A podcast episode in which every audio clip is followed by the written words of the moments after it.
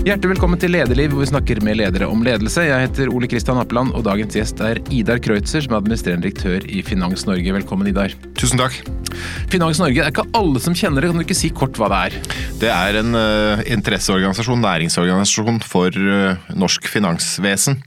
Uh, det enkleste er kanskje å tenke seg NHO, men vi er NHO for banker og forsikringsselskaper i Norge. Det er til sammen 240 medlemsbedrifter.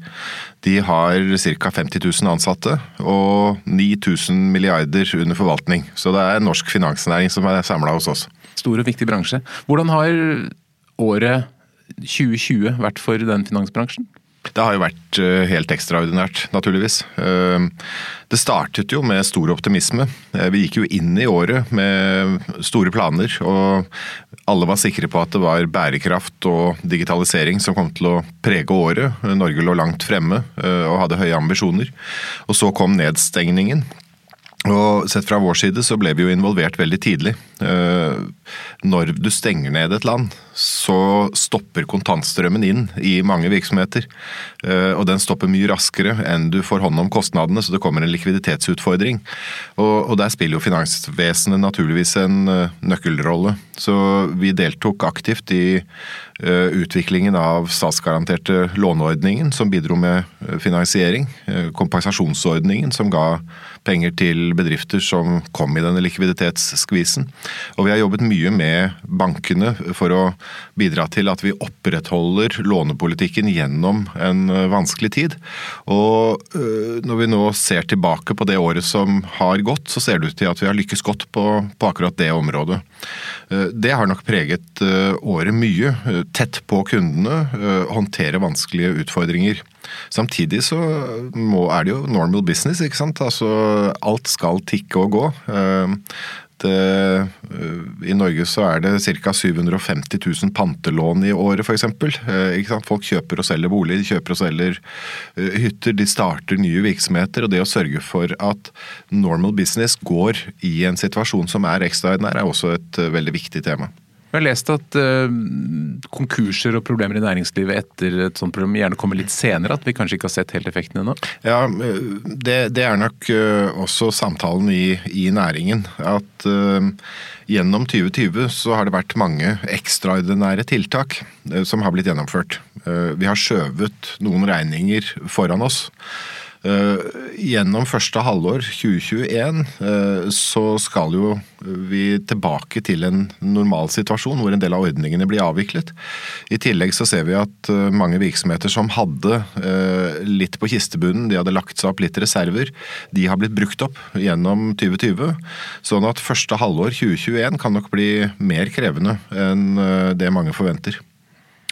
Du kom jo til Finans Norge i 2012 etter at du hadde vært administrerende direktør i Storebrand. Folk eh, kjente deg jo veldig som det. Hva var grunnen til at du valgte å gå til en bransjeorganisasjon? Nei, det, det, var egentlig ikke en plan, eh, det må, jeg, det må, jeg, si. Jeg hadde sittet i styret i den bransjeorganisasjonen i tolv år. Jeg hadde vært styreleder i to år, så jeg kunne organisasjonen godt. Jeg hadde også vært med på og vært egentlig med å ta initiativet til at vi slo sammen eh, FNH, som det het den gangen, og Sparebankforeningen og lagde FNO. Og så slo vi det sammen med Finansnæringens arbeidsgiverforening og lagde det som ble Finans Norge. Eh, administrerende direktør skulle gå av med pensjon, og da var det en gruppe av våre medlemmer, eh, styremedlemmer som kom og sa at Idar, dette syns vi du bør ta. Det hadde jeg ikke egentlig tenkt på på den tiden. Men når jeg fikk tenkt meg om, så har jeg alltid trivdes veldig godt i det grenselandet mellom forretning og samfunn. Det er veldig mange som lever hele sitt liv i forretningslivet, kan det veldig veldig godt. Eh, så er det veldig mange som jobber i offentlig forvaltning og politikk, og kan det veldig veldig godt. Men det er ikke så innmari mange som har brukt litt tid på begge, og som kan kanskje være med som en slags brobygger. Eh, og det er nok en rolle som eh, har interessert meg, og som jeg syns er eh, viktig og veldig inspirerende. Og Pandemien har vel på en måte vært en synliggjøring av bransjeorganisasjonenes viktighet for både ja. NHO og, og Virke og alle. Alle har jo vært veldig viktige aktører. Helt enig. Altså, helt riktig. Altså det, det du ser, og, og, dette har jo en generell eh, læring i seg også. Altså store utfordringer, de krever samspill. Det er, det er liksom ikke én gruppe eller én en enhet som kan løse dette alene. Og når det gjelder pandemien, så ser vi at samarbeidet og samspillet mellom mellom eh, altså det vi kaller trepartssamarbeidet. Arbeidstakersiden, arbeidsgiversiden eh, og myndighetene har jo vært helt avgjørende for å kunne håndtere dette. Og når vi da uh, sier og, og, ser og konstaterer at Norge har klart seg ganske bra sammenlignet med en del andre land, selv om det har vært krevende, som var det her også, så er nok noe av nøkkelen at vi har fått det samspillet til å fungere bedre enn mange andre. Og det tror jeg er fordi vi har trent på det. Eh, vi er vant til eh, å jobbe sammen store, om, om, store utfordringer. Eh, og så er det dette som vi alltid snakker om i festtaler, at vi er et tillitsbasert samfunn. Jeg har observert i praksis hvordan det fungerer når vi er et tillitsbasert samfunn og skal håndtere uh, denne type problemstillinger. Og det må jeg si, det gjør inntrykk. Altså Når regjeringen da setter seg ned med partene i arbeidslivet og sier her har vi et problem, hvordan løser vi det? Vi har noen tanker og ideer, hva mener dere? Og så jobber man seg frem til eh, løsninger som så implementeres lynraskt. Ganske kult å observere, eh, og du ser i praksis verdien eh, av tillit i et samfunn som vårt. Hva er forskjellen på å lede en organisasjon som Finans Norge og det å lede Storbrann? Ja, altså, hovedforskjellen det er jo at altså det, det er governance-strukturen i en virksomhet som, eh, som Storebrand, når eh, da, da, har man styret beslutter, eh, eller konsernsjefen beslutter, og så gjennomføres det. Så det er en ganske klar linje, en beslutningslinje, som er veldig tydelig. I en medlemsorganisasjon som, som vi er, så er vi aldri sterkere enn det medlemmene tillater oss å være. Så, så, hvis det er uenighet i medlemsmassen, så kan ikke vi være tydelige. Eh, hvis vi klarer å samle medlemsmassen bak eh, felles standpunkter, så er vi svært sterke. Eh, så det hjelper ikke at du blir enig med deg selv. Du må bli enig med alle, alle, andre også. Og det å kjøre de prosessene på en god måte, slik at beslutninger og posisjoner er godt forankret, og vi kan snu oss rundt med tyngde og si at dette mener norsk finansnæring, det, det er jo det som er hovedutfordringen, men også noe av det viktige vi, vi holder på med. Så, så, det er en stor forskjell. Eh, men det er også interessant fordi nettopp den prosessen med å skape den enigheten, eller skape den fellesplattformen, det er jo også en bevisstgjørende prosess som, som er viktig og stimulerende. Var det en forskjell du var forberedt på da du begynte, eller ble du litt overrasket i begynnelsen? Nei, altså jeg hadde, som, som jeg nevnte innledningsvis, så jeg hadde sittet i styret i den organisasjonen i tolv år, så jeg kjente organisasjonen godt. Og for, jeg tror jeg forsto relativt godt hvordan eh, det fungerte. Noen ganger så kan man oppleve det som, eh, som litt krevende, selvfølgelig. Eh, ikke sant? Men, men, det er jo det som er jobben. Det, det er det som er oppgaven.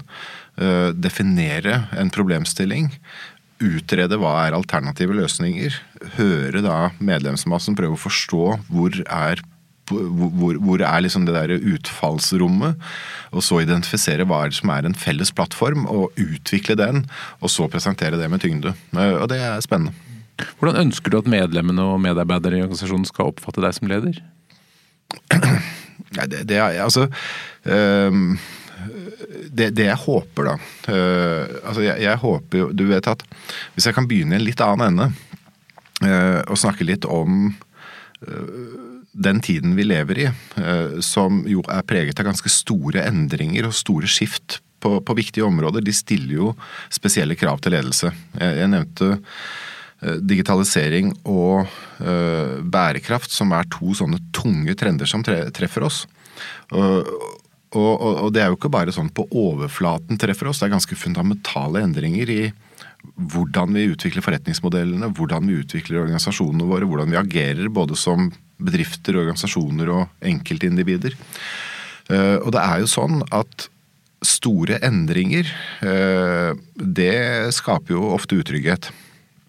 Mm, altså, det, hvis jeg skal gjøre det samme i morgen som jeg gjorde i går, så, så vet jeg en del om det. Uh, hvis jeg tror at ting er i bevegelse, så kan det skape usikkerhet. Og det er jo den virkeligheten vi som ledere nå arbeider i. Uh, vi skal skape trygghet i endring. Uh, og da, sånn som jeg tror det, da, så er det For det første så tror jeg det er ganske viktig å forsøke å sette jobben og det vi holder på med, inn i en eller annen kontekst. Jeg merker at jeg, jeg drives veldig selv av det du kan kalle eh, et formål, en purpose. Uh, og, og, jeg tror veldig på sånn formålsbasert ledelse. Altså At vi som ledere har en oppgave i å forsøke å uh, bidra til å tegne opp det bildet. Hvorfor er vi her? Uh, hva, hva, er det vi holder på med? og, og jeg, jeg, merker at den der lignelsen, den historien med disse to gutta som jobbet i det stenbruddet og ble spurt om hva de arbeidet med, hvor den ene sier at jeg hogger stein, og den andre sier at jeg er med å bygge en katedral. Det, det, det appellerer veldig til meg. Ikke sant? Så jeg tror at han som er med å bygge denne katedralen, han har et annet perspektiv på jobben sin enn han som sitter og hogger stein. Eh, så, så, det ene er det å forsøke å beskrive den katedralen vi er med på å, å bygge. Det andre det er at innenfor rammen av det formålet eh, å hjelpe til med prioritering, peke ut en retning. Fordi det er ofte veldig mange veier man kan gå. Eh, ikke sant? Og Hvis ikke man vet helt hvor man skal hen, så blir alle veier like gode. Og det å da være med å peke ut den retningen i samspill med organisasjonen tror jeg er en viktig, viktig lederoppgave. Eh, når det da gjelder å komme i gjennomføringen, så er jeg nok veldig opptatt av å gi ansvar og vise tillit. Og vi leder jo alle nå kunnskapsorganisasjoner med flinke folk. Uh, og sånn der Taylor-basert ledelse med sånn command and control funker ikke. vet du. Uh, ikke det, det, funker ikke i forhold til barna. Hvorfor skal vi gjøre det? Jo, fordi jeg har sagt det. Nei, det, det funker ikke. Og det funker ikke i moderne kunnskapsorganisasjoner heller. Uh, og det å da, når vi har et formål, vi har en retning, og vi har en organisasjon med flinke folk, det å da gi ansvar og vise tillit tror jeg er veldig, veldig viktig. Eh, og så er det nok et sånt par ting også. Det ene er det der med eh, at det skal være lov å gjøre feil, men helst ikke gjøre samme feil så mange ganger. Altså En sånn lærende organisasjon forsøke å, eh, å, få til det, samtidig som man har en god balanse mellom dette å uh, ha forventninger, men også gi støtte. Uh, altså sånn litt sånn caring uh, i organisasjonen. At hver og en føler at de har en betydning. Ikke bare som en et tannhjul i et maskineri, men som enkeltindivider som har ulike ønsker, behov, ambisjoner, eh, forutsetninger, eh, tror jeg også, tror jeg også veldig på. Men det, det eh, så, så, så, så, Dette er jo da et, en sånn beskrivelse av en, en jeg, jeg, håper at jeg klarer å, å, å, være en leder som er ganske tett på organisasjonen og enkeltindividene i, i organisasjonen. Uh, Men det høres ut som du legger mye vekt på å, å, tegne det store bildet for medarbeiderne dine? Plassere ja. dem inn i, i, helheten? Jeg tror det er veldig viktig. Jeg tror det er veldig viktig. Hvordan gjør du det? Det er jo det er mange virkemidler du kan bruke der. Uh, sånn I praksis så går Dette er jo kommunikasjon. Intern kommunikasjon. Uh, og det er enhver anledning uh, du har, enten det er da ved ukesbrev, eller det er ved allmøter, eller det er i møte i den enkelte avdeling, eller det er i møte med enkeltpersoner. Det å minne om uh, det store bildet, sette de problemstillingene vi har inn i en litt større sammenheng. Jeg tror det Å gjøre det hele tiden tror jeg er ganske viktig. Og det andre det går jo på dette med det du kan kalle kultur og kulturutvikling. En, mine, altså en, en, erkjennelse Man sier jo det at ledere kan Det tar tid å bygge opp, og det går fort å, å, rive ned. Men hvis du går inn i kjernen på hva vi egentlig snakker om da, så tror jeg at eh, vi som ledere, vi er kulturbyggere. Vi bygger kulturen, altså er med å bygge den kulturen i organisasjonen. Og den rollen og det ansvaret skal vi ta veldig på alvor. Og det tar tid å bygge en god kultur. Det er en sånn kontinuerlig prosess som, som har også med uh, det å være konsistent, det å holde fast ved en tanke over tid, uh, det å legge sten på sten. Uh, og så tror jeg det går veldig fort å bryte ned en kultur. Altså Hvis organisasjonen merker at i en spesiell situasjon så bare legger man til side alle de fine ordene, og så agerer man på en helt annen måte, så er det helt ødeleggende for, for kulturen. For da sier du at ja, ja, du sier alle de riktige tingene, men nå ser vi i praksis hva det betyr. Så det å være bevisst altså Det ene er den løpende kommunikasjonen, men det andre er liksom å tenke hvordan er det vi agerer sånn at vi bygger en kultur i organisasjonen som er den der sterke, gode kulturen som er trygg, eh, men samtidig som eh, gir alle den der lysten til å gjøre det lille ekstra for å skape fremragende resultater. tror jeg er veldig viktig.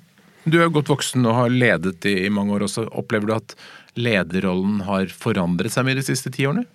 Ja, jeg, jeg opplever jo det. Uh, det, er, det, er, helt sikkert en god del fellestrekk som, som, ligger, som ligger, fast, men, men, men, jeg tror de viktigste endringene i, i, lederrollen, det er nok preget av altså Det er vel to-tre ting, tror jeg. Altså, det ene er det som vi snakket om i sted, det med den opplevde endringstakten. Altså Vi som ledere nå må Jeg tror vi brukte mer tid tidligere på å, å, å si at uh, skape stabilitet og ro, liksom. Uh, nå bruker vi mer tid på å skape trygghet i endring. Uh, så det, tror jeg er en sånn greie. Det andre er det at det kommer jo en helt ny generasjon inn i arbeidsmarkedet som er helt uten autoritetstro. ikke sant? Og som, som også du ser kle på seg jobben på en annen måte kanskje enn det vi var eh, vant til før. Altså Det er en sånn identitet knyttet til eh, jobben som er veldig, veldig viktig. Og, da tror jeg det blir mye viktigere det vi snakket om, at vi må sette det vi gjør inn i en større kontekst. De ønsker å identifisere seg med, med formålet med det man holder på med, på en helt annen måte. Uh, så krever det mye av oss. Uh, det at vi ikke sant, altså den Gud give et embete, måtte han også give forstand. Det er jo fint, det. Ikke sant? Eh, men det gjør seg ikke selv, altså. Det at du har fått en lederjobb, betyr ikke at du er relevant uansett hva som skjer. Vi skal virkelig følge godt med, lære oss ting. Uh, forstå de endringene i det samfunnet vi selv opererer. Fordi de, de, de, de, kompetanseforventningene vi har til våre medarbeidere, de må vi også ha til oss selv. Vi, vi må forstå uh, endringene som f.eks. følger av eh, en grunnleggende fundamental digitalisering.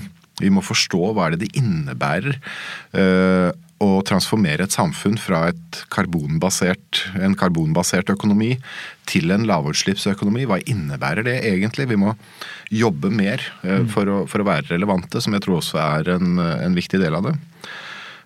og så tror jeg jeg opplever i hvert fall at alt som har med samarbeid og samspill å gjøre, på tvers mye synligere nå har blitt viktigere enn det var tidligere. Jeg opplevde tidligere at vi jobbet litt mer i siloer.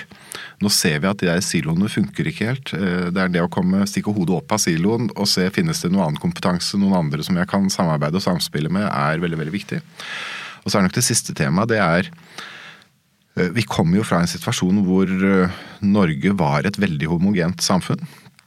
Vi blir et mer heterogent samfunn, og vi får mye mer bevissthet på verdien av øh, å ha øh, altså det du kan kalle mangfold, da, i litt bred forstand. Ikke bare den der objektive mangfoldet med kjønn, alder, etnisitet, men, men, reelt mangfold som går på type, på bakgrunn, på holdninger. ikke sant? Og det å skape den dynamikken tror jeg også er blitt veldig mye viktigere. Men den lederrollen du beskriver med å plassere virksomheten inn i et stort landskap, orientere seg det, det fordrer at man tar seg ganske mye tid til en, rett og slett å lære og innhente kunnskap som leder? Ja, jeg tror jo det er ganske viktig. Eh, jeg, jeg, tror det er ganske viktig. Og så er det selvfølgelig det er, jo, det, er jo, det er jo veldig avhengig av hva slags type virksomhet man, eh, man, arbeider i. Eh, vi må jo være fokusert på det vi holder på med. Og konteksten for ulike organisasjoner er jo ulik, men den konteksten man er i, den må man prøve å forstå ganske godt. Og jeg tror også det er en forventning fra medarbeiderne at, at ledelsen både gjør den jobben og, og evner å formidle og ha en intern dialog rundt det. Men tid er alltid en utfordring. Hvordan skaper du deg rom til læring? Sover lite. Hvor lite sover du? nei, det var en spøk. Uh, nei, altså Vi har 24 timer i døgnet alle sammen. Uh, og det er litt, og vi skal eh, sove litt, og vi skal uh, ha tid med familie og andre ting, og så skal vi jobbe litt. Så da går det jo på hvordan man prioriterer tiden sin. Og, og en av de tingene som jeg liker hos ledere, det er nysgjerrighet. Altså Jeg merker at jeg blir litt allergisk mot sånn uh, hvis det er veldig mye flere utropstegn enn spørsmålstegn. Uh, jeg syns det er veldig greit, jeg syns det er fint at man stiller litt spørsmål. At man er interessert, at man er nysgjerrig. Uh, og forsøker å, å, finne ut og Det behøver ikke bare, bare lese bøker og, og forskningsresultater. Men, men, det å lytte til andre, høste erfaringer, bringe erfaringene tilbake inn i lederteamet, være med på de litt sånn gode diskusjonene eh, hvor vi prøver oss frem, det, det tror jeg veldig på. Jeg har eh, en relasjon til en amerikansk professor og konsulent som heter Rohit Bargava. Han har gitt et råd når det gjelder å utvikle perspektivet sitt. Man skal gå i en, en stor bokhandel som selger mye ukeblader, mm. og så skal man kjøpe de bladene man aldri har lest før. Ja. Å få et altså, kjøpe Om det er håndverk eller sporter eller et eller annet nisje som man ikke har peiling på i det hele tatt, bare for å utvide perspektivet sitt. Det er en ganske ja, morsom tankegang å liksom gå etter de hyllene som du aldri har vært i. Det var altså, bare et sånt lite sidespor, men uh, faren min døde etter uh, flere års sykdom. Uh, på midten av 90-tallet. Og jeg hadde snakket, snakket, mye med han den siste tiden. Uh, så spurte jeg og han begynte å bli dårligere, så spurte jeg hvilken, hvilken sans er den siste du vil miste? Og så tenkte han sånn, og så sa han ja, det er vel ikke egentlig en sans, men det siste jeg vil miste, det er nysgjerrigheten. Og, det, Jeg merker det har festet seg. Og, det er litt sånn uh, at uh, så lenge vi er nysgjerrige og interesserte, så er vi også levende og lærende mennesker. Jeg syns det er ganske viktig. Ja, det er et, et folkehelseelement i det Hvis man skal holde seg oppegående så lenge som kroppen lever, så må man jo henge med. Er det noen spesielle hendelser i din uh, lederkarriere som har formet deg som leder? Ja, altså det Du, du vet at Altså, jeg, jeg, overtok jo som uh, som konsernsjef i Storbrann i en sånn ganske dramatisk situasjon.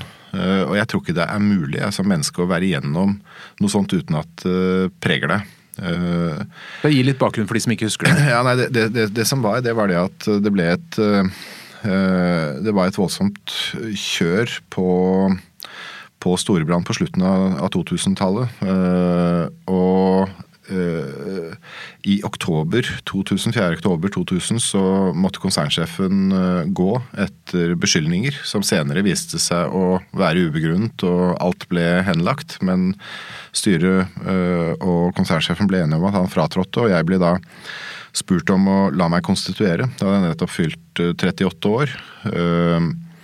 Øh, jeg husker jeg snakket med Jon Gundersen, som da var styreleder, og han sa styret har bedt meg anmode deg om å la deg konstituere. Og så sa jeg men har jeg noe tid til å tenke meg om, Jon? Og så sier han vel, Ydar, styret sitter sammen og venter på din beslutning. så, var, så, så, jeg sa ok, men da kan jeg gjøre det. Øh, og jeg kan ta det der ansvaret mens dere leter etter en ordentlig konsernsjef. Øh, jeg så ikke på meg selv som kandidat i den rollen i det hele tatt.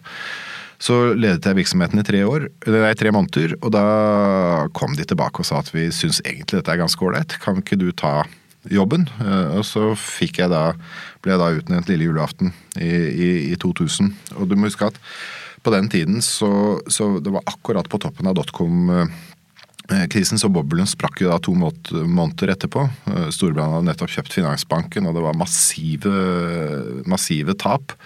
Vi hadde da mistet konsernsjefen. Styreleder måtte gå av fire uker etterpå. Kundene var usikre, ansatte var usikre, resultatene var helt i bøtta. Uh, og det var, liksom, ja, det, var, det var sånn Det nærmeste du kan komme den perfekte stormen. Og jeg ble, vi hadde akkurat fått beskjed også om at uh, mitt femte barn var på vei. Uh, så det var liksom sånn Det var, det var, en, ganske spesiell, ja, det var en ganske spesiell situasjon. Ja. Og det å uh, i den situasjonen da forsøke å skape en kontekst. Hvorfor holder, hva, altså, hva er det Storbrann egentlig er? Hva er det vi holder på med? Det å peke ut en retning. Det å være med å bygge den der kulturen.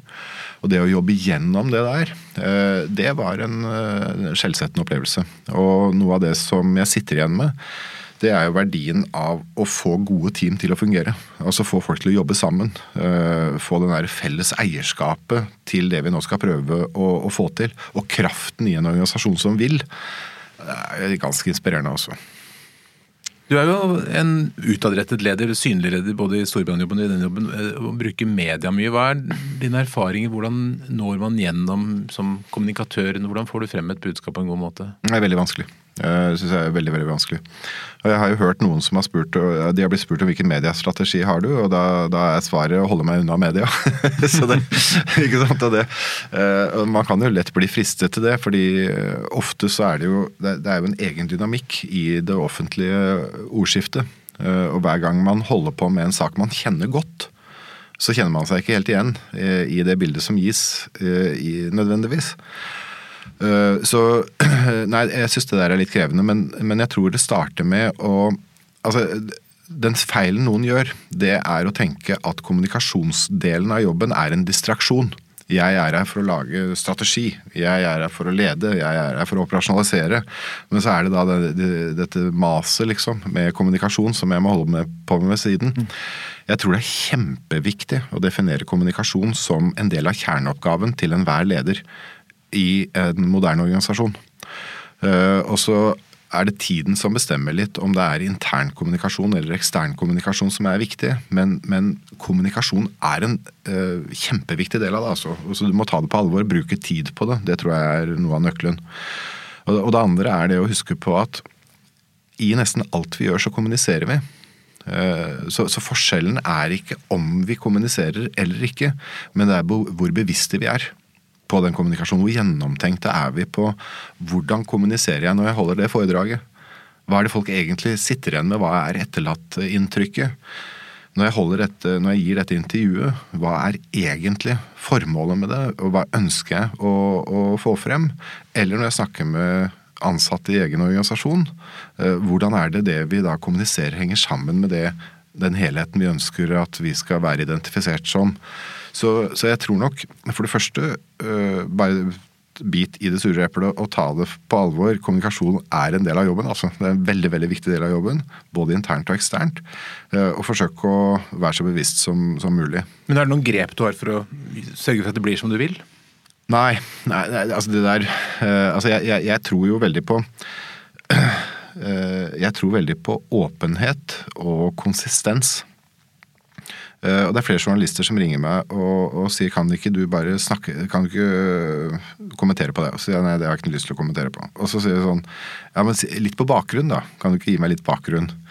Og da sier jeg stort sett alltid, merker jeg, at uh, vet du hva, det jeg sier på bakgrunn, det skal jeg også, si, kunne, det skal også kunne stå på forsiden av, av VG.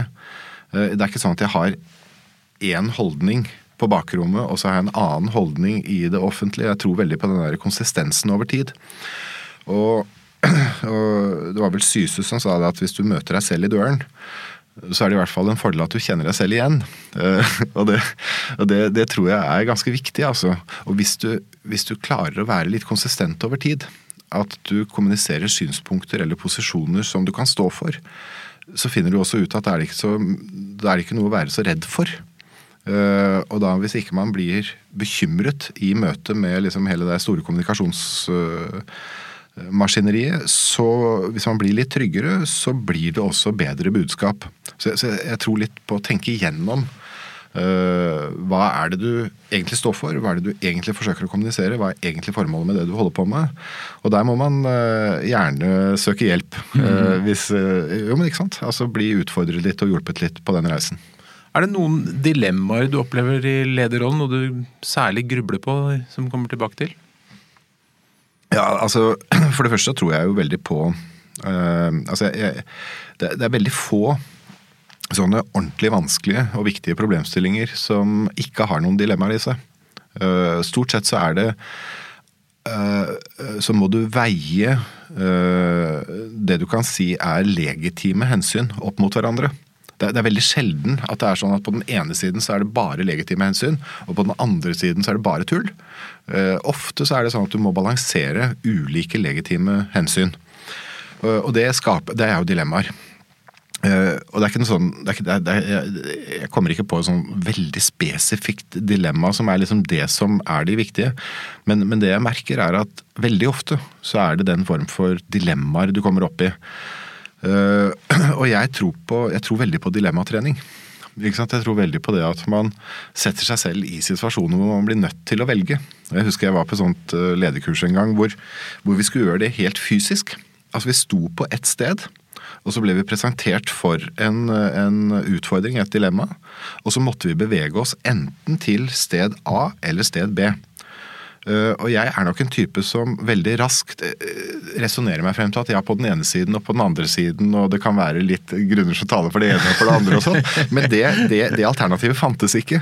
Du måtte gå til enten A eller B, og den der, liksom den Du likte ikke det så godt? Nei. Ikke, altså, den, der, den, følelsen av sånn helt fysisk å måtte ta, ta, stilling er ganske krevende, og du trenger å trene på det. Mm. Det tror jeg veldig mange kunne ha glede av å tenke mer på. Du har jo bakgrunn fra politikk fra Unge Høyre og sånn. Er det, tenker du at det er en bra skole for ledere? Ja. Jeg, altså, det, det, er ikke sånn at jeg skal oppfordre alle nødvendigvis til å gå inn i politikken hvis ikke man har lyst, men, men, men det jeg merker, det er det at ikke bare i Norge, som på mange måter er et sånn korporativt samfunn, men, men, men, du ser det uansett hvor du beveger deg nå. Så tror jeg det er Jeg tror man har nytte av å forstå hvordan privat virksomhet fungerer, hvordan et marked fungerer og hvordan den konkurransedynamikken er. Men jeg tror også man har ganske stor nytte av å forstå hvordan det offentlige beslutningsapparatet fungerer. Uh, og jeg har hatt gleden av å jobbe litt på begge sider. Jeg tror jeg skjønner litt av hvordan begge fungerer. Uh, og for det første så, uh, så, så, så det å da starte med en sånn dyp respekt for både kompleksitet og kunnskap og kraft i både det som skjer i offentlig sektor og i politikken på den ene siden, og det som skjer i privat sektor på den andre siden. Jeg tror det er veldig, veldig nyttig. Eh, og hvis man ikke har vært i det, så kan det lett være sånn at man stiller med noen fordommer. Man har noen sånne oppfatninger av, av, hvordan det er. Og det kan da være et hinder for eh, god kommunikasjon. Det kan være et hinder for eh, å skape gode løsninger. Ehm, så, så, så, det er det ene. Det andre er det at det er greit å vite hvordan det foregår. Ehm, ikke sant? Og i en jobb som jeg er i nå, så er jo nettopp det å skape forståelse i næringen for de rammebetingelsene vi har fått, og hvorfor vi har fått og hva slags bakgrunn det er for det, og hva er formålet med det. Men også skape forståelse i det politiske miljøet for øh, næringens betydning og at de rammevilkårene man setter, faktisk har konsekvenser for hvordan vi som nasjon kan utvikle oss, og hvordan næringen kan utvikle seg, og, hvilken betydning det har for folk flest. Altså den, den, den, evnen der, den bygges jo opp gjennom å ha erfaring fra begge sider. Hva tenker du om at det blir færre og færre politikere som faktisk har erfaring fra næringslivet? Jeg tenker at for det første så er det en det er en utvikling som er forståelig I den forstand at du, du, ser at politikken blir også mer kompleks. Det å styre et helt land eh, er jo ikke så enkelt. Eh, så det å, man skjønner liksom at den politiske dynamikken at det fører til at det blir et, en karrierevei i seg selv. Men samtidig Det skaper jo en utfordring. Fordi man har ikke da den kjennskapen til hvordan, kall det gjerne det virkelige liv, fungerer. Og så merker jeg nok at det er ikke et stort problem for de som erkjenner at det er et problem. Ikke sant? Altså de som eh, Politikere som da erkjenner det, og er interessert og nysgjerrig og uh, utforskende og spørrende, uh, da, da, da, opplever jeg ikke det som et problem i hele tatt. Men, men, de som da trekker seg litt tilbake uh, og er veldig skråsikre uten å ha erfaring, det gjør meg jo ofte da litt bekymret. Og For å dra oss litt over mot noe som er veldig sentralt akkurat nå, det er jo pensjon. Det er, det er jo et politisk uh, spill som har gått i altså det, det, virker som et, et, lass med ting når man begynner å grave i pensjon. Som mm. går lange linjer og oppgjør og, og, og kompromisser og, og, ting som så, og det, som har, Nå har det skjedd endringer? Ja, nå har det skjedd endringer. Uh, nå er det innført en egen pensjonskonto. Eh, jeg tror vi alle har et forhold til at vi har en lønnskonto. Et sted der hvor lønna vår blir innbetalt. Eh, men pensjonen har vi hatt et litt diffust forhold til. Eh, det bygges opp en pensjon et eller annet sted. Nå får vi også en egen pensjonskonto. Og Når du går inn på pensjonskontoen, så får du se hvor mye som er samlet spart opp uh, i din pensjon i, ditt, i, arbeidsforholdet. Og ikke bare det arbeidsforholdet du har nå, men man samler også da disse pensjonskapitalbevisene som er opparbeidet i tidligere uh, arbeidsforhold. Formålet med dette det er todelt. Det ene er å sørge for at pensjonen forvaltes så effektivt som mulig. At ikke, det, at ikke penger blir brukt opp unødvendig på komplisert administrasjon. Og det andre det er å sørge for at hver og en av oss får bedre oversikt over hva vi har av rettigheter. Og, og det er viktig for den enkelte, men det er også samfunnsmessig viktig. Fordi hvis hver og en av oss går rundt og er litt utrygge på pensjon og pensjonstilværelse, så påvirker det oss som økonomiske individer i samfunnet. Hvis vi vet veldig godt eh, hva vi kan forvente oss som eh, pensjonister, eh, så disponerer vi deretter. Blir mer rasjonelle økonomiske individer. Eh, så eh, effektivitet og åpenhet, transparens, tydelighet eh, og enkelhet, det, det, er liksom det som er formålene med dette. Og dette Hva betyr det for bransjen din? Nei, dette er en av de store, største endringene som er gjennomført i, i moderne tid. Altså det, det, gjelder jo Det gjelder jo altså sånn, I første omgang nå er det vel utstedt 1,4-1,5 millioner pensjonskapitalbevis. Dette, det gjelder jo alle arbeidstakere i, eh, i privat sektor. Eh, så dette er, en, dette er, en, stor endring. Eh, og det har også skapt en stor informasjonsutfordring. Fordi det er individuelt, innført samtidig individuelle valgmuligheter, sånn at hver og en av oss kan velge hvem det er vi vil skal forvalte pensjonspengene våre. Og det å holde styr på den informasjonsbagettien, det krever sitt. Så nå har næringen gått sammen om å lage en felles infrastruktur øh, som skal sørge for å ha den oversikten og sørge for at vi kan gjennomføre disse valgene på en enkel måte og holde oversikt på en enkel måte. Og øh, første året er nå, da. 2021. Og vi var litt spente gjennom 2020, men nå er vi veldig trygge på at dette skal gå fint. Hva tror du folk kommer til å oppleve når de får samlet alt på en konto? Blir det noen overraskelser? Jeg tror folk eh, Altså, ja. Det, altså det, det tror jeg nok. Eh, ikke sant? Vi ser at det har jo vært valgmuligheter tidligere også, men det er ganske få som har benyttet seg av det. 4-5-6% liksom har foretatt disse valgene. Eh, for det store flertall så har pensjon vært såkalt lavinteresse. Det er ting som folk kjenner til litt, liksom, men har ikke gått inn i det. Nå blir det mye enklere å få den oversikten, og da tror jeg det kommer til å skje tre ting. Noen kommer til å se at oi, dette er faktisk ganske mange penger. Dette må jeg ha et aktivt forhold til. Nå må jeg tenke gjennom uh, hvordan disse pengene skal forvaltes. Uh, det andre som skjer, er at noen sier oi, er det så lite? Eh, jeg trodde, jeg trodde, kanskje jeg hadde veldig mye mer. Så her må jeg jo spare litt i tillegg selv for å få den eh, pensjonen som jeg føler jeg trenger. Så jeg må legge opp liksom hele den økonomiske planleggingen min litt, litt annerledes. Og, og, det tredje, tror jeg, det er det at folk tenker gjennom hm, hvordan er det denne pensjonskapitalen arbeider egentlig? Eh, og det er jo en sånn tendens vi merker at det er stadig flere som ønsker å, å ta Eh, bærekraftige valg. Ikke bare på produkter man kjøper, men også eh, tjenester. Og, og, kanskje ikke minst på hvordan pensjonspengene arbeider. Og det er jo mye penger, vet du. Altså i Europa nå så er det vel 12 000 milliarder euro i pensjonspenger. Og om de pengene forvaltes på én måte eller en annen måte, det har jo kjempestor betydning for ikke bare veksten i pensjonen, men også utviklingen i samfunnet. Men du sier at en av effektene er at det blir mindre eh, administrasjon med alle disse forskjellige eh, bevisene rundt omkring. Og så, men er det ikke nettopp den administrasjonen bransjen din lever av? Er du ikke noe med på å lage mindre jobb for, eller for, for bedriftene i, i Finans Norge? Jo, langs, langs, en dimensjon så, så, så, er det sånn at uh, det blir penger borte uh, gjennom å effektivisere. Men uh, da må jo vi også effektivisere, og det er jo det vi gjør bl.a. med å lage denne gå sammen om å lage en sånn felles infrastruktur som gjør hele prosessen mye mye mer uh, effektiv. Uh, og det, det, dette kalles på fint, er jo produktivitet og produktivitetsvekst. og det er du for? det er vi for. men, men, dette har vært et samspill da mellom bransjen og politikere over lang tid? Og, og offentlig administrasjon? Ja, det er, det, er, um, det er, jo flere som, er flere som uh, ønsker å ta æren for å starte diskusjonen om uh, sånn uh, pensjonskonto.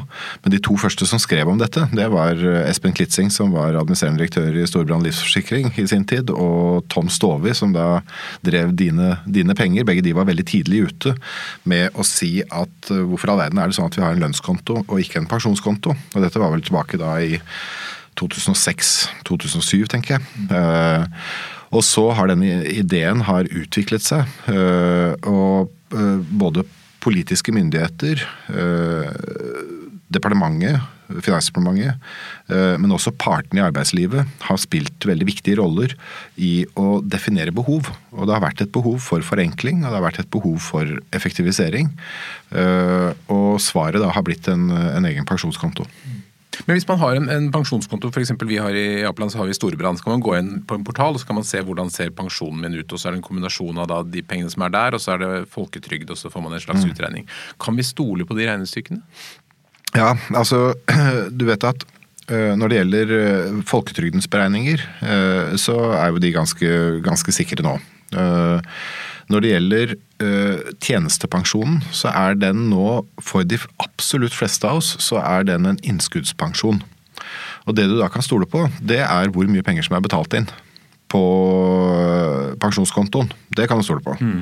Men, Men hvordan skal, dette ser ut når du ja, skal ta det? når du da skal beregne fremtidig pensjon, så vil jo det være veldig avhengig av avkastningen på den kapitalen. Og det er jo der de personlige valgene dine kommer inn. Og, og, det er nok et sånt trekk som jeg har lyst til å løfte frem. At dine personlige valg vil nå få større betydning for din pensjon enn tidligere. Hvis du sier at 'jeg lever godt med litt risiko', jeg lever godt med at det der kan svinge litt. Det er ikke sånn at jeg mister nattesøvnen. Da kan du ha litt mer aksjer og litt mindre obligasjoner og, og sikre investeringer og ha en høyere forventet avkastning, men også større variasjon i avkastningen over tid. Hvis du sier at jeg sover dårlig, altså med, med den der eh, usikkerheten, jeg vil ha det så trygt som mulig, så kan du velge en portefølje som gir ganske stor grad av sikkerhet, eh, men eh, med mindre oppside og en, en lavere forventet avkastning. Så det å kjenne igjen og kjenne etter hva er mine preferanser, er ganske viktig. Og så sette seg ned med pensjonsleverandøren og ha denne diskusjonen litt på, på ordentlig dette er det jeg føler, hva betyr det for de valgene jeg skal foreta? Det er ganske viktig. Og så beregner man da fremtidig pensjon basert på de forutsetningene. Eh, men det er det usikkerhet i. Eh, det ligger i sakens natur når det er en innskuddspensjon. Men det er stort ansvar for bransjen da, og at ikke alle hiver seg over på den mest offensive og girede løsningen og, og sånn sett utsetter seg selv for stor risiko? Ja, absolutt. Og der er det altså det denne bransjen er veldig bevisst på, det er det at det vi lever av, det er fornøyde kunder over tid. Altså jeg mener det og det å ha en sånn kortsiktig innfallsvinkel, at nå skal du gire opp dette mest mulig, uh, det, det, er uh, Altså, det, er en, det ligger alltid en fare for det, men det er vi veldig bevisst på. Og jeg tror ikke den faren er stor. Du nevnte eh, bærekraft. Du har jo vært med og laget bl.a. veikart for grønn konkurransekraft og engasjert deg i forhold til bærekraft. Opplever du nå at det er i ferd med å flytte seg fra liksom, idealisme og mm. inn i den økonomiske realiteter? Ja. Jeg opplever at det skjer flere ting. Eh, jeg har jobbet ganske systematisk med bærekraftspørsmål i hvert fall de siste 20 årene. Eh, og basert på egne opplevelser, så jeg mener jo at uh, i finansnæringen så har det skjedd mer nå de siste to årene enn det skjedde på de foregående 18. Altså det er en voldsom drive, altså. Uh, og der er, nok, uh, der er, det nok, tre ting som har skjedd. Da vi startet opp med dette sånn for 20 år siden, så var dette for spesielt interesserte. Det ble sett på som litt sært. Nå er det mainstream. Nå er det litt sært å stikke hodet i sanden og, og, og tro at det ikke er noe som heter et grønt skifte, liksom. Ehm, og så har det noen implikasjoner. Det ene er konsumentadferden konsumentatferden endrer seg. Eh, det som er utfordringen med det, det er at det er litt sånn ketsjup-effekt. Det skjer lite, og så skjer det lite, og så skjer det lite, og så plutselig så skjer det veldig mye. ikke sant? Så da som leverandør, som aktør, så må du være veldig forberedt på endret konsumentatferd. Det andre det er regelverksendringer. Hvis du ser nå det som, som, som, skjer i EU f.eks. Altså det er helt fundamentale og grunnleggende endringer. Og dette er ikke retningsgivende. Uh, dette er hard law. Uh, ikke sant? Der, uh, EUs taksonomi er vedtatt. Den blir innført. altså Definisjonen på hva som er grønt og brunt, blir innført nå i år. det er hardlaw fra, fra neste år, så, så regelverksendringene kommer og driver frem mye av dette. Men det tredje som jeg merker veldig godt, det er jo at Forholdet til klimarisiko uh, kommer nå inn i de ordinære modellene i finansnæringen. Sånn at eh, når man, når man skal i kredittkomiteen, så er det ikke bare markedsrisiko, likviditetsrisiko og de kjente risikoene vi vurderer, det er også klimarisiko. Vi ser det også på investorsiden. Eh, investor er bevisst på klimarisikoens betydning for verdien av fremtidig kontantstrøm. Og du ser det jo ikke minst på forsikringssiden. Så det kommer inn, som du sier, i det normale, ordinære forretningslivet. Og, og, sitter godt plassert i konsernledelsen og i styret på en helt annen måte enn for kun få år siden. Men når vi ser hvor mye grønne selskaper, altså hvilken fantastisk børsutvikling som de kan ha, så må det jo bli litt fristende for noen å gjøre seg litt grønnere enn de kanskje er. Det kan være vanskelig for, for kundene å se forskjell på si, hva som er grønnmalt og hva som virkelig er grønt. Ja, det, er, det, er, akkurat det som er formålet med det der EUs eh, e taksonomiprosjekt. Uh, altså er Forferdelig navn, taksonomiprosjektet. Det er liksom, det, litt som en sykdom. ja, ja, det høres litt Det må finnes en medisin mot sånt. Uh, nei, det, det, det, det går på, det er en veldig uh, tydelig definisjon på hva som er grønt og hva som er brunt. Og, og det er nettopp for å forhindre grønnvasking. Det er for å bidra til at uh, alle aktørene i det økonomiske uh, livet kan gjøre informerte valg og skal kunne stole på de valgene man foretar. Uh, det ligger en, når, når, når, kundene etterspør det grønne, så ligger det en fare i at man fremstiller produktene og tjenestene sine som grønnere enn de er. Det er mindre rom for det når man nå innfører så, klare, innfører så klare definisjoner. I tillegg så er det jo en åpenbar nedside. Altså Hvis man går til, til markedet og presenterer seg som noe annet enn man er, eh, så er det alltid en fare for at man blir avslørt. Og blir man avslørt, så vil det ha veldig alvorlige implikasjoner for tilliten. Mm. Eh, så uh, faren for grønnvasking er reell, men rommet blir sterkt redusert gjennom den bevisstgjøringen og den utviklingen vi ser nå både på regelverkssiden og i markedet. Men burde bankene, altså din næring, være bidra mer til skiftet ved å gjøre det enda vanskeligere for virksomheter som ikke driver bærekraftig å få lån, f.eks.? Vi, vi syns det er en dårlig forretningsmodell å gjøre ting vanskelig. Mm. så, så vi, ja. Særlig for kundene våre. Ja. så, men, men det, det, det, som kommer til å skje Hvis jeg skal bygge meg et lite kullkraftanlegg Nei, nei, ikke sant. Men, men, det som kommer til å skje, det, det, det er to ting. Det ene som kommer til å skje, er at øh, grønne løsninger i grønne produkter, tjenester, forretningsmodeller, de kommer til å få lettere tilgang på finansiering, og de kommer til å få lavere finansieringskostnader enn brune løsninger. Det blir litt vanskeligere da? Ja, nei, det, gir et, det, gir et, prisinsentiv. Ja. Eh, og det kommer også til å følge av EU-lovgivningen og EU-reguleringen, som kommer til å uh, la klimarisikohensyn eh, påvirke eh, kapitalkravene for, eh, for bankene f.eks. Så, så det er det ene som skjer. Det andre som kommer til å skje, det er det at de som i dag har en virksomhet som har mye utslipp, og som ønsker å være en del av løsningen på utfordringen gjennom å legge om produksjonssystemet, legge om eh, forretningsmodellene sine, de vil oppleve at de har en finansnæring som både er interessert, og som forhåpentligvis er kunnskapsrik nok til å være en partner i den transformasjonen. Altså Et eksempel nå var jo Hydro som, eh, som fikk et sånn sustainability-linked eh, obligasjon, hvor, avkast, hvor, hvor, prisen på lånet er avhengig av at Hydro når sine uh, avkastningsmål. Nei, sine utslippsmål, mener jeg. Mm. Sine utslippsreduksjonsmål. Så det er en reise vi er på. Og vi må passe på at ikke vi ikke blir sånn binære at vi plutselig over natten går fra å ville finansiere noe til ikke å ville finansiere noe. Men det å være en partner i den transformasjonen, øh, sånn at vi gir insentiver til å være med på den reisen, det tror jeg veldig på. Da bygger vi konkurransekraft, øh, samtidig som vi hjelper til med en helt nødvendig eh, omstilling mm. til et lavutslippssamfunn. Og Hvordan er vi i Norge i forhold til resten av verden? Vi ligger langt fremme. Vi ligger langt fremme. Eh, eh, vi ligger langt fremme på altså På investorsiden så var vi kanskje blant de første i, i Europa som virkelig begynte å ta dette på alvor. Eh, både da de store institusjonelle investorene i Norge, men, men også da etter hvert oljefondet har spilt en, en viktig rolle og, og synliggjort dette. Eh, vi ser også at som næring så var vi først i verden med å komme med et samlet veikart, grønt veikart for hele finansnæringen. Og Det ble lagt merke til internasjonalt. Blant annet FN grep fatt i det og sendte det ut i flere tusen eksemplarer eh, hele verden rundt. Så nå får jeg telefoner. Jeg fikk snakket nå med en representant fra Australia som hadde latt seg inspirere av Finans Norges veikart for grønn finansnæring, og skal gjøre det samme i Australia. Hva er hovedelementene i det kartet? Det er, det er um, noen hovedelementer. Det, det, ene det er at vi i næringen eh, forsøker å bli enige om hvilket ambisjonsnivå er det vi har, hvilken rolle er det vi skal spille.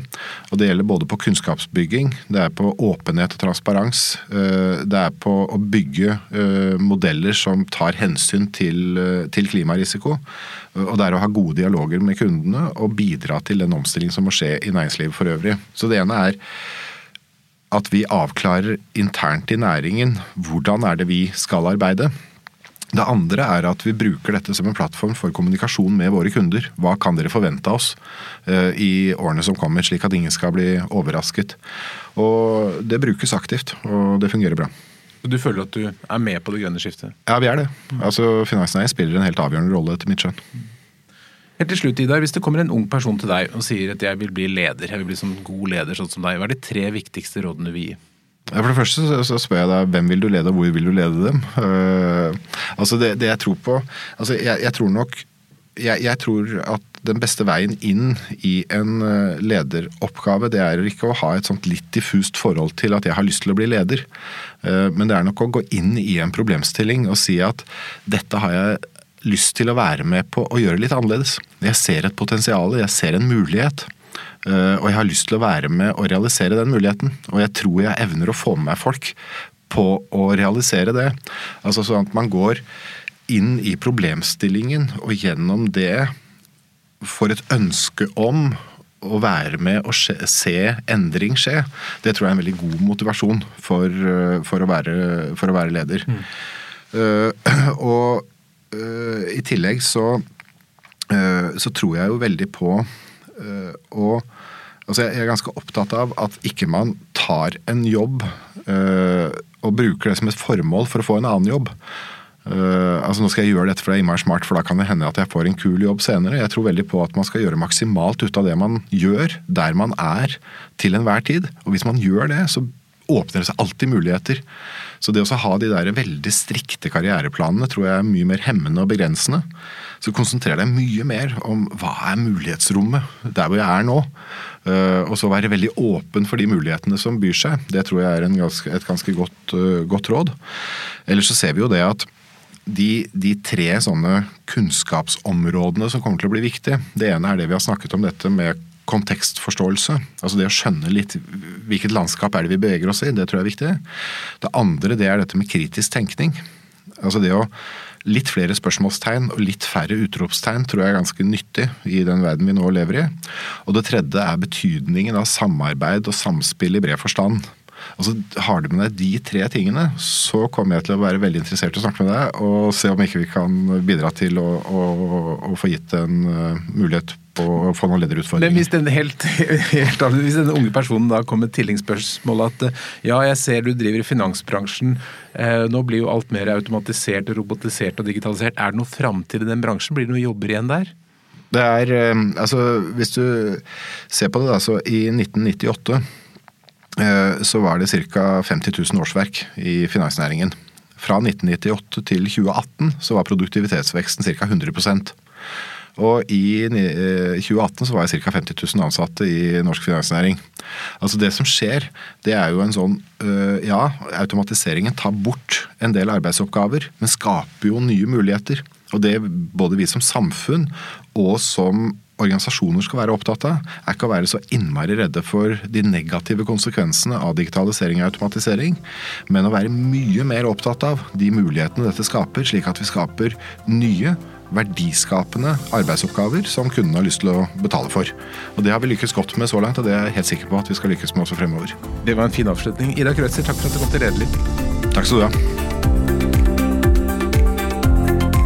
Lederliv er en podkast fra Apeland. Redaksjonen består av Ellen Paulsen, Lars Jarle Melum, Lars Volden og meg, som heter Ole Kristian Apeland. Hvis du vil høre mer, så trykk abonner. Da får du varsel når det kommer nye episoder. Og hvis du har noen tips, så send en e-post til tips eller til meg, ole at apeland.no. Takk for at du lytter.